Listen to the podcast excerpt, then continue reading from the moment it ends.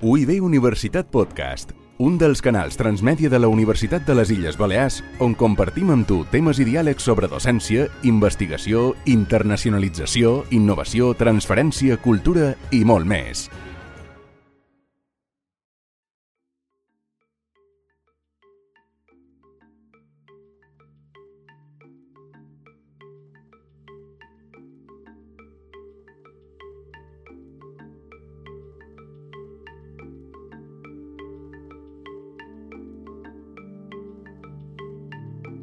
Benvinguts a En quin món vivim, reflexions sobre el nou ordre mundial. Estan parlant d'un podcast de l'Oficina de Cooperació de la Universitat de les Illes Balears per enfocar allò que sembla més que una era de canvis, un canvi d'era.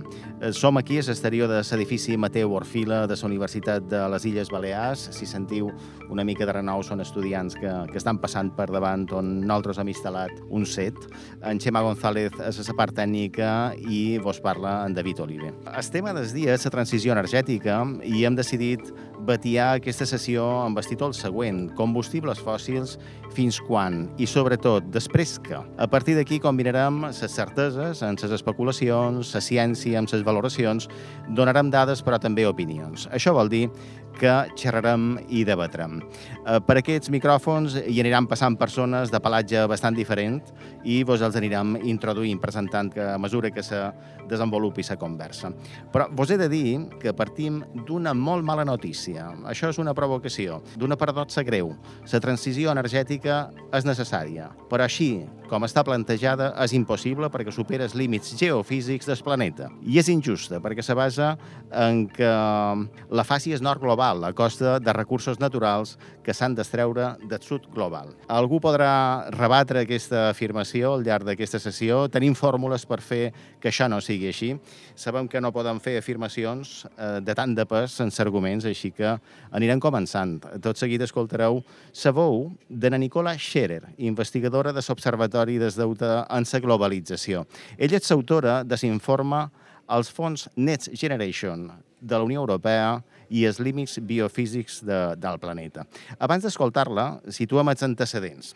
Mes de juliol de l'any 2020, la Comissió Europea llança el paquet d'ajudes públiques anomenades Fons Next Generation eh, d'Europa. De, L'objectiu dels fons Next Generation no és només finançar la recuperació econòmica després dels impactes generats per la pandèmia de la Covid-19, sinó la transformació de les economies dels estats membres que arrossegaven una situació de respiració assistida des de la crisi de l'any 2008 i que no complien amb els objectius climàtics. Així, la Comissió Europea va aprofitar el moment per condicionar el lliurament d'aquest dobbers a la modernització d'indústries i economies, com ja estava previst a la seva estratègia d'Espacte Verd Europeu de l'any 2019, indicant que aquesta modernització s'hauria de dur a terme en clau de transició verda i digital. El 37% dels fons s'han de destinar a la transició verda i el 20% a la digitalització. Anem a escoltar, però, què mos diu na Nicola Scherer. En el nou informe que, que hem publicat ens centrem especialment de posar llum sobre la falta de responsabilitat exterior no? respecte al impacte ambiental, climàtic i també social de les nostres polítiques, bueno, polítiques públiques econòmiques cap en fora. No? Això vol dir que cap als països especialment empobrides on es estem extraient les matèries primeres per posar en marxa la nostra transició en verda digital aquí en Europa. I el que sí que és una paradoxa, que és ni, ni els fons Next Generation EU ni la seva estratègia de fons, que és, que és el Pacte Verd Europeu, no? és reconeixen aquests impactes exteriors en els països tercers. No? És que no existeixen, eh, bueno, no n'hi ha cap indicadors que recullin aquests impactes en aquests territoris. Um, I quan parlem de, de les límits, um, en aquest informe pues, utilitzem l'exemple, no? l'exemple del PERTE del cotxe elèctric. Um, el PERTE no sé, és, és aquesta nova figura legal no? que s'ha creat per executar els fons Next Generation EU, que és una col·laboració pública-privada, i en el cas del PERTE del cotxe elèctric, que rebrà la indústria d'automoció en quasi 4.000 milions d'euros eh, per, bueno, per promoure la producció i connectivitat del cotxe elèctric a l'estat espanyol. Llavors, el cotxe elèctric requereix la utilització de sis vegades més inputs de materials i, i minerals que un cotxe de combustió interna. Llavors, això sí que és una paradoxa, no? Necessitem més liti, níquel, cobalt, manganès i el grafit. I hem calculat que si volem complir amb l'objectiu del, del PNIEC, de comptar amb la presència de 5 milions de vehicles elèctrics per 2030 a l'estat espanyol, consumiria el 5,43% de liti extret anualment a nivell global. I això sí que és un problema, perquè sí, aquí tenim uns límits i no, no ho diem nosaltres, sinó també les expertes i també la pròpia Comissió Europea, no? de que sí, que necessitem moltes minerals que són ja considerades matèries primeres crítiques. Vol dir que poden prestar problemes d'escotament en un futur pròxim. Per exemple, el liti, el cobalt, el grafit, les terres rares. No? I només és la mobilitat elèctrica que necessita aquestes eh, minerals i matèries primeres, sinó és totes les polítiques de la transició energètica i la digitalització requereixen aquest input de minerals dels quals el quasi la majoria està ja qualificada com crític um, a nivell europeu. Llavors, això vol dir que n'hi haurà una pressió enorme sobre l'extracció i sobre aquests territoris on es treuen aquests minerals en els propers anys. No? I escoltant això, saludam en Macià Blázquez Salom, doctor en Geografia, professor de la Universitat de les Illes Balears. Macià, com estàs? Què tal? Hola, com va? Gràcies per ser-hi. A vosaltres. També saludam a Margalida Rosselló, una de les fundadores dels Verds a Mallorca. Era l'any 1991, consellera de Medi Ambient de les Illes Balears del 99 al 2003 i actualment membre de, de Terra Ferida. Margalida, com estàs? Què tal? Molt bé, moltes gràcies per convidar-me. A tots dos vos he resumit el currículum de forma escandalosa, però de qualque manera, de qualque manera ho hem de fer, no? Si voleu, començam fent un comentari sobre el que acabam d'escoltar. Volen fer aquesta transició energètica, però hi ha condicionants que no sé si teníem presents. Per exemple, els límits geofísics de, del planeta. Macià, aquesta qüestió, qui la valora, com se valora, com la valores tu? Dir-vos que amb una anàlisi des de la geografia o la història econòmica, podem, podem dir que som addictes en el petroli, no? som addictes en els recursos energètics fòssils. Penseu que de més del 85% de l'energia que consumim al món o és petroli, o és carbó, o és gas. No? I això, per dir-ho d'una manera molt planera, ens ha donat un xute a, a un sistema econòmic que fa que sigui possible el capitalisme, que sigui possible un sistema d'apropiació de la plusvàlua, d'apropiació dels guanys, una privatització d'aquests guanys a través d'un sistema de dominació. Aquesta densitat energètica de, del petroli, perquè vos passeu una idea, amb uns càlculs que, que, que he consultat a un geofísic, en Antonio Turiel, fan equivaldre un, un litre només de petroli en 83 hores de treball humà. No? Imagineu-vos eh, el que ha suposat en termes de revolució d'aquest sistema econòmic que possibilita domini, no? domini de, de persones sobre persones, mm, sobre territoris, sobre recursos naturals, i això ha, ha provocat que els llocs que s'han vist beneficiats en aquesta loteria, d'allà on se troba el petroli, perquè el petroli es, eh, se troba a jaciments a llocs molt concrets, estiguin caracteritzats, i ho veureu de tot d'una, per conflictes pel seu control. I es, 65% del petroli del món és a l'Orient Mitjà. És a Aràbia Saudí, a Iran, a Iraq, Kuwait, als Emirats Àrabs Units, a Qatar. Clar, això fa que aquests territoris estiguin sotmesos a la cobdícia. De fet, el més recent de les guerres que estem vivint a Europa, com a mínim, té a veure en Rússia i amb el fet de que Rússia també té un 6% del petroli del món i Europa en són total dependents i això fa que el conflicte geopolític aparegui arran d'aquest interès europeu pues, domini de la provisió de recursos naturals, que és la relació desigual que s'estableix, com tu deies abans, entre el nord i el sud. No? Plantejar-nos resoldre el problema a través de fons Net Generation i a través de polítiques orientades a mantenir el sistema econòmic, a mantenir un sistema de dominació i d'apropiació privada, és no anar a l'arrel, no? És com podar pedaços, remediar a curt termini, però no pretendre resoldre en profunditat el problema. En Nicola ens estan trobant amb un plantejament nou, no? perquè recursos que se faran servir seran uns altres, per exemple, per fer bateries, etc. i entrarem en un escenari de extracció de recursos diferent, però, com dius, basat en les mateixes dinàmiques comercials. Però, mirant el, el petroli, tu t'aventures a posar una data del fi de, del seu ús? El país que més petroli té en el seu subsol, perquè penseu que el petroli es produeix al llarg de centenars de milions d'anys. Vull dir, allò de que són països productors de petroli és una mentida. Són països extractors de petroli. Sí, sí, sí. perquè és un perquè el recurs tenen allà, sí, sí, que, sí, sí. que no, no són capaços de produir-lo. No se produeix. Dir, se produeix geològicament, Ja. un procés molt llarg. I dels que en té més, en té eh, es de 7,5%, que és Venezuela. Segons càlculs de geofísics, d'aquesta quantitat de petroli que, de la que disposa eh, un, un, un subsol, eh, que ve ser com, per entendre'ns, un marès abeurat, perquè en realitat són els intersticis dels sediments els que contenen aquest, aquest material energètic, se'n pot extreure només un 35%, perquè llavors és més car l'energia que dediques a extreure'l que no el que aconsegueixes una vegada l'has extret. No? Clar, jo he fet un càlcul, eh, però bueno, d'aquests que ningú s'atreveix a fer, i si tot el món, que consumim 100 milions de barrils al dia, eh, haguéssim d'extreure-los només de Venezuela, mos duraria menys de 10 anys. Clar, és, és una aproximació per no arriscar-me, perquè eh, multipliques i te surt una quantitat. Què passa? Que això té també a veure en, sa, en el descobriment de nous jaciments que s'estan plantejant d'extreure d'altres territoris, per exemple, dels pols, no? de, de, de, del subsol, el que estava també mirant el subsol a Nigèria a dins la mà, eh, es treuen el petroli de 5.000 metres de fondària. Vull dir, clar, l'energia que, que se necessita per recórrer en aquests jaciments tan llunyans és molt gran. No? De manera que està vist, està calculat que és un recurs que no mos durarà gaire. Ara d'aquí molt poquet el que farem, si vols, Macià, és parlar de eh, el que serà aquesta transició verda, eh, el que mos comentava na, na Nicola, no? de com gestionarem els recursos, eh, eh, etc.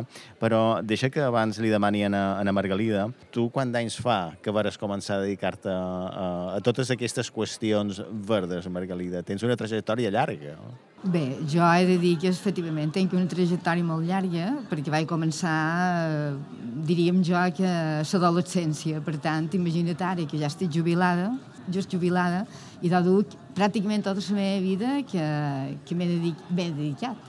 Vull dir, he intentat a moment si podríem millorar el món. Per tant, sí. eh, tinc una trajectòria llarga. Amb això hi ha una qüestió que m'ha cridat molt l'atenció és veure com eh, anam canviant els nostres paradigmes, eh, els nostres focus d'atenció. Jo record, per exemple, aquells adhesius no? de nuclear no, que era una qüestió molt de, del nostre temps, eh, etc. Tu, quan recordes que el que és el canvi energètic s'ha anat convertint en un cavall de batalla pel moviment ecologista? I com eren al principi? Quines alternatives se, se plantejaven? Hi havia també aquell de solar sí, o nuclear no, solar sí, etc. No? Tot això com ha anat passant? Com ho has vist evolucionar? Bé, anem a veure. Per fer una anàlisi molt, molt ràpid, diria més bé com ha anat a nivell eh, dels països occidentals eh, els temes de, de l'ecologisme i especialment també de l'ecologisme polític té una trajectòria que bàsicament els països europeus ve de molt enrere, vull dir, perquè tot això s'ha de tenir en compte, no? Jo voldria fer referència a un parell de- d'elements importants que hi ha hagut dins, dins història més recent, no? Que va ser l'any 72, que hi va haver el primer, la, primera, la primera conferència mundial a Estocolm sobre medi ambient i desenvolupament. No? Se va començar a parlar de sostenibilitat d'una forma molt, primar, molt primerenca, diríem, i després el 73, que va haver el Club de Roma, que ja va començar a plantejar qüestions relacionades en, en el eh, límit biofísic del planeta, en plantejar la necessitat d'un canvi, etc. Jo crec que, per tant, hi ha hagut un recorregut de fa molt d'anys per també posar fites, no?, Um, de la ONU se va crear l'IPCC, que ara tothom el coneix perquè fan els informes anuals, no? però que van començar l'any 88. Ja hi havia una base molt important. L'ecologisme, com a tal, també va començar en els anys, hem de pensar que va començar en els anys 60 i 70, m'atreviria a dir, a nivell bàsicament europeu, eh? no en els països, diríem, del sud, no? de l'anomenat sud. Ara bé, a les Illes Balears i a Espanya, per, per emmarcar-ho, estaven dins una dictadura d'en Franco, vull dir, bueno, aquestes qüestions ecològiques eren, estaven presents, hi havia lluites ecològiques molt importants, hi havia pensament d'ecologisme polític important.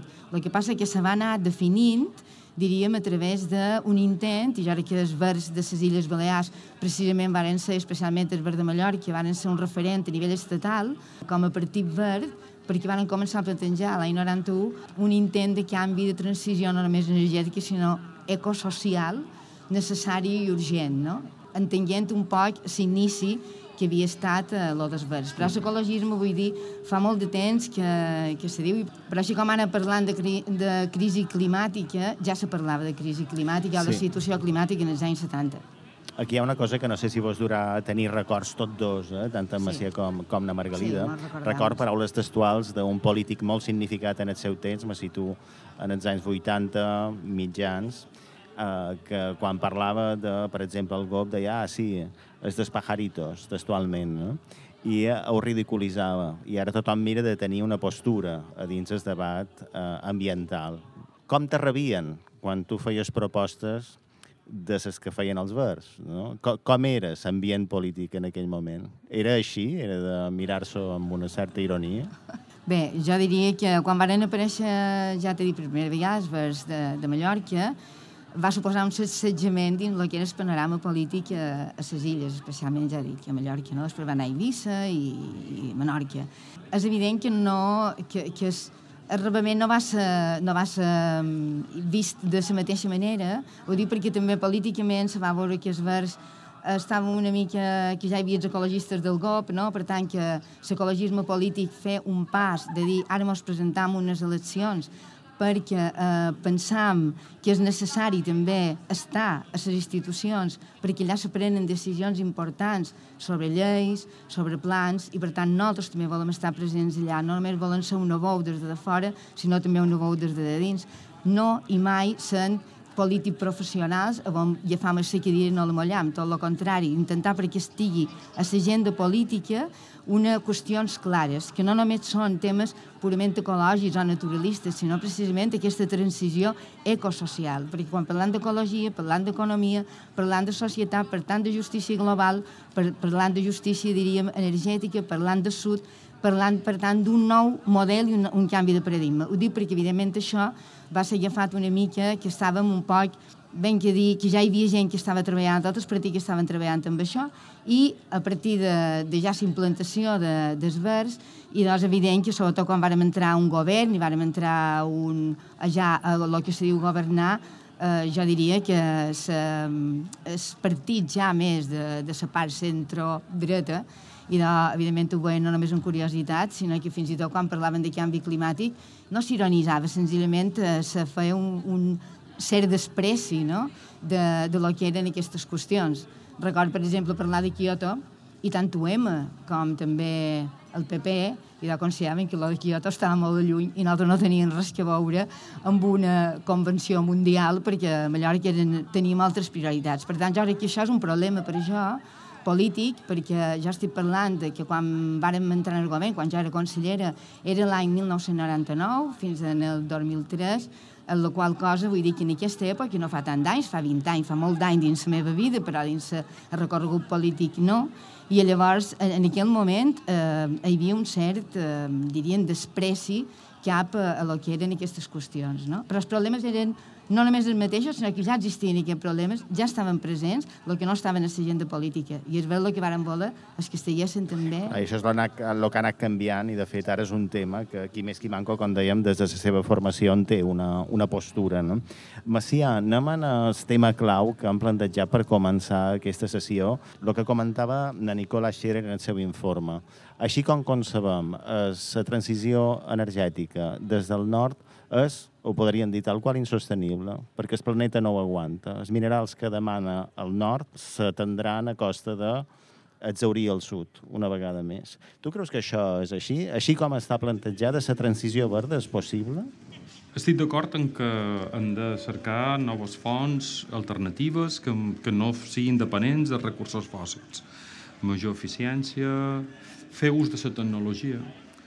El problema està en que ens emmirallem, pensem que a través d'això el problema estirà resolt, que això en realitat sigui només una solució en un àmbit molt local. Aquí a Balears eh, vos recorda, ell ha citat en Maria Antoni Monà, que defensava la moratòria urbanística no? a final dels anys 90, i ja xerrava d'aclaparament i de... Eh, això ha estat eh, assumit, s'han generat aliances favorables a millorar l'habitabilitat, la qualitat i la rendibilitat des, del nostre territori, del nostre entorn construït, des, dels nostres hotels, de les urbanitzacions, de les inversions financeres. No va a l'arrel del problema. És igual que la transició eh, energètica, així com s'està plantejant pels fons eh, Next Generation. Els primers que la sol·liciten són els hotelers, a través d'una aliança per a l'excel·lència turística, que li diuen, perquè el que volen és millorar la seva competitivitat a nivell mundial per aconseguir més apropiació privada de la plusvàlua, no anar a l'arrel del problema. Jo crec que una solució arrel del problema ha de plantejar un canvi de visió i tenir en, en, en consideració aquestes relacions nord-sud de domini, relacions de, de domini entre les persones, patriarcals, de, de l'explotació de recursos, com deies tu abans, que hi ha autors que ho plantegen, d'acord amb els límits biofísics del planeta, però també incorporant la part social, perquè si no l'ecologisme, exclusivament a nivell d'habitabilitat, sigui la protecció de, les espècies, coneixereu casos en què hi ha aliances realment amb el capital corporatiu, en les multinacionals, en, en relació a la defensa de les espècies, i no els interessa, no els importa d'allà on provenguin els dobbers. De manera que l'arrel, en realitat, eh, ha de ser a canviar el capitalisme. Sí, amb això farem una cosa, si voleu. Llavors demanaré una opinió en relació al que heu escoltat. Parlarem una mica de, de política i el que sentirem és en Nicola Scherer. Són tres talls en els quals ens explica com ell entén que diferents formes d'entendre la gestió política són determinants a l'hora de plantejar aquesta transició verda, en les seves pegues i a les seves miseris, cada una, o a les seves, als seus avantatges. Anem a escoltar-ne. Proposo de alguns vídeos que hem publicat des de l'Observatori del Deute en la globalització sobre eh, escull la teva transició en estiu. No? És un petit xoc de mirar on es pot anar en el futur. Llavors, tenim com diversos escenaris. Un que es pot demanar com nacionalisme verda, això està molt relacionat amb un, un model de pensament uh, més a prop de l'ecofeixisme i de tancar les portes de protegir uh, la meva casa primera, no? de pensar en els nacionalismes i d'excloure les altres persones i a països que no són part d'aquesta aquest, casa, llavors vol dir una transició a coste de, uh, especialment les persones i els territoris del sud global. Tenim una altra possibilitat, i jo crec que això és el que ja ens estem acostumant bastant, que és el liberalisme verda, eh, o també el capitalisme verda, que vol dir que aquesta transició, que sí, diguem, sí que necessitem fer una transició perquè no és, eh, no és viable la nostra manera de produir i de vivir, etc. Llavors ha de, fer tot, ha de ser tot verda. No? Baixem les emissions, però també ens passem en les tecnologies i aquest capitalisme verde o liberalisme verde diu, de més, és un, un negoci, que és una possibilitat, és una oportunitat d'aquesta transició perquè les, les grans companyies, les corporacions, eh, poden fer, a més, negocis al voltant d'aquesta transició. No? Vol dir que s'ha de buscar el seu nitxo de mercat dintre d'aquestes transicions verdes el pensament o el model de l'estat de bienestar verde, això va més relacionada amb, un, igual, amb unes polítiques de, de l'esquerra, de, ara parlo de l'esquerra d'Europa, no? de dir sí, que estem en un moment de, de crisi, de col·lapse eh, ecològic, no? però no passa res perquè és una oportunitat només per la teva empresa i de, i, eh, bueno, i de d'inversions eh, i un nichos de mercat, sinó també és una possibilitat perquè construïm llocs de treball. No?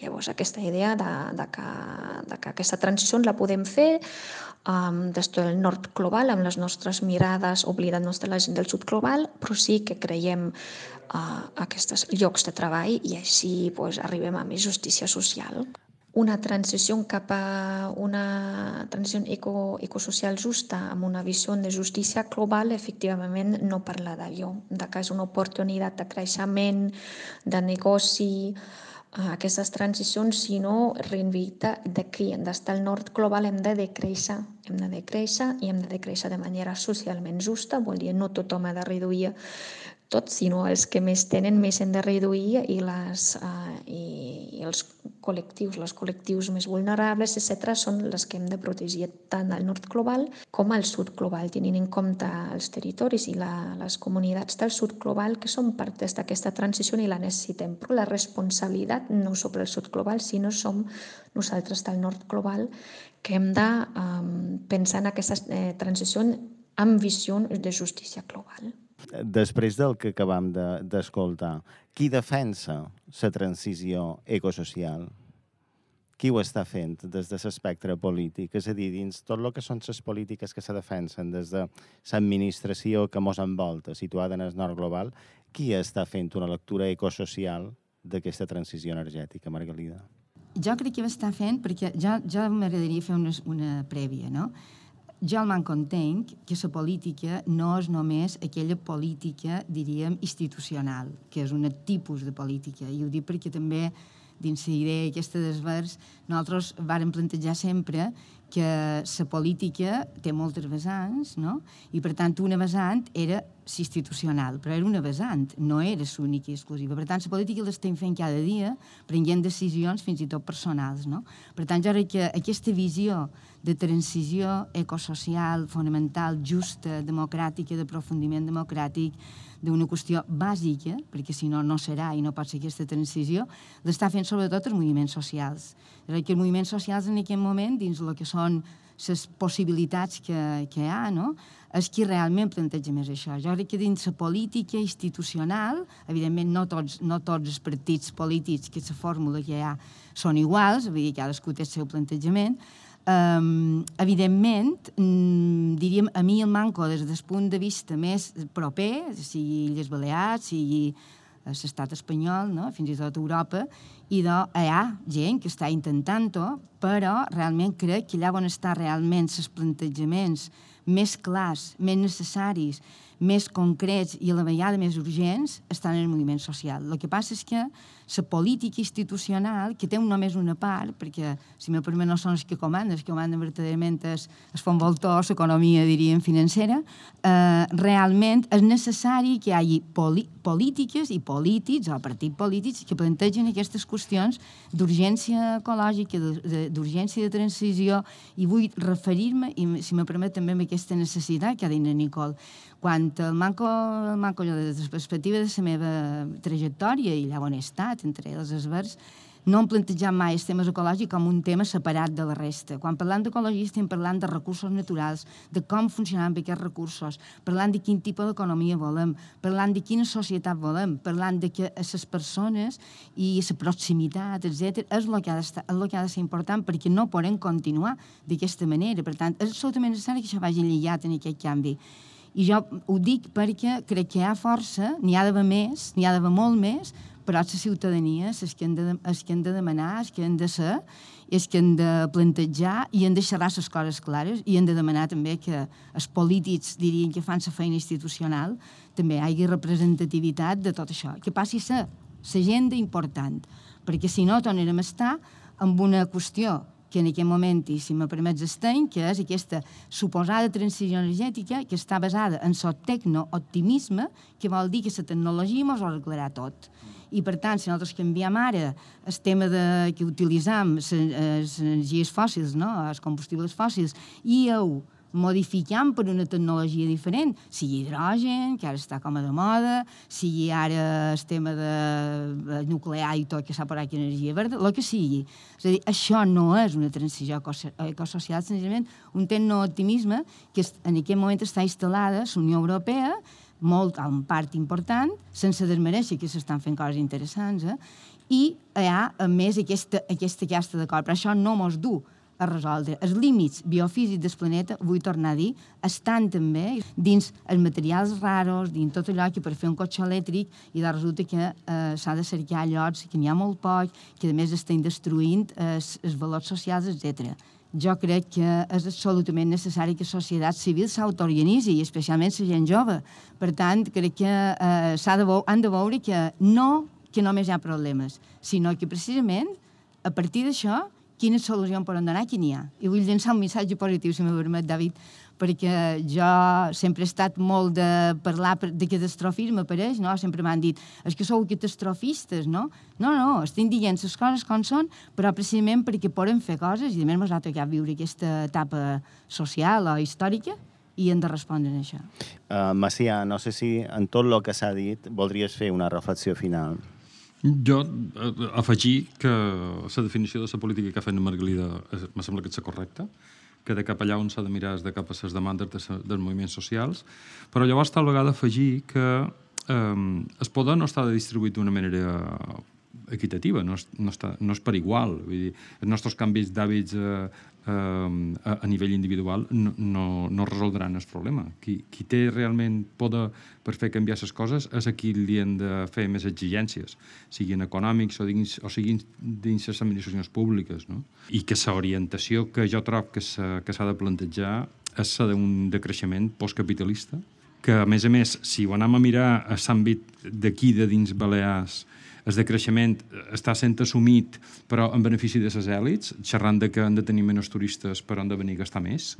Això vol dir que ens poden convertir en una destinació refugi per capitals i per persones de, de dins les èlits, que la solució és plantejar-lo a nivell de cabal d'energia i de materials per càpita, i, i, i fer un decreixement, com deia Margalida, de contracció i convergència, dir, exigint en els que més malbaraten, ho deien a Nicola abans també, no? Uh, siguin els que més redueixin, que ho han de fer d'una manera democràtica i ho han de fer perquè sigui un, un, un, uh, un sistema econòmic redistributiu que sigui més igualitari. Vull dir que amb aquest plantejament jo crec que podem orientar solucions més enllà de les polítiques del business as usual que s'estan plantejant per la Unió Europea, per exemple. I d'ara faré una cosa per anar obrint boca. El proper bloc el dedicarem a parlar de tecnologia, però també amb altres condicionants. Ara escoltarem un tall d'en Víctor Martínez Moll, professor d'aquesta universitat eh, d'enginyeria mecànica, i començarà a parlar de recursos tecnològics que tenim a l'abast i de condicionants o d'elements econòmics, en aquest cas, que fan que uns siguin els que més uh, s'estilen. Anem a escoltar-lo. Les dues tecnologies que, que ara mateix són més competitives a nivell de preu són l'energia eòlica i la fotovoltaica, i en concret la fotovoltaica ha estat un, va ser un canvi molt, molt brusc, o sigui, va passar de, de tenir un cost molt, molt elevat en pocs anys, en gran part afavorit per un impuls que, que li va donar el govern xinès, van passar a, a tenir un preu molt més barat. Després, evidentment, en el cas de l'energia fotovoltaica sí que han tingut un increment d'eficiència, però més que aquest increment d'eficiència, el que ha estat disruptiu ha estat el tema de, de preus avui en dia no necessites eh, ni subvencionar ni res perquè una instal·lació fotovoltaica eh, sigui, sigui rentable. Amb aquest tall eh, anem obrint boca pel que serà el proper capítol d'aquesta sèrie, centrada en eh, la transició energètica. Macià Blázquez, Margalida Rosselló, moltes gràcies. Gràcies a vosaltres. Gràcies a vosaltres. Molta energia. Que vagi bé. Sí. I d'aquesta manera tancàvem el que era aquest primer capítol d'aquesta sèrie dedicada a en aquesta transició energètica que ens ocupa. I esteu atents i atentes perquè en qualsevol moment podeu veure que estem enregistrant més material a algun espai exterior de la Universitat de les Illes Balears. Seguiu-nos.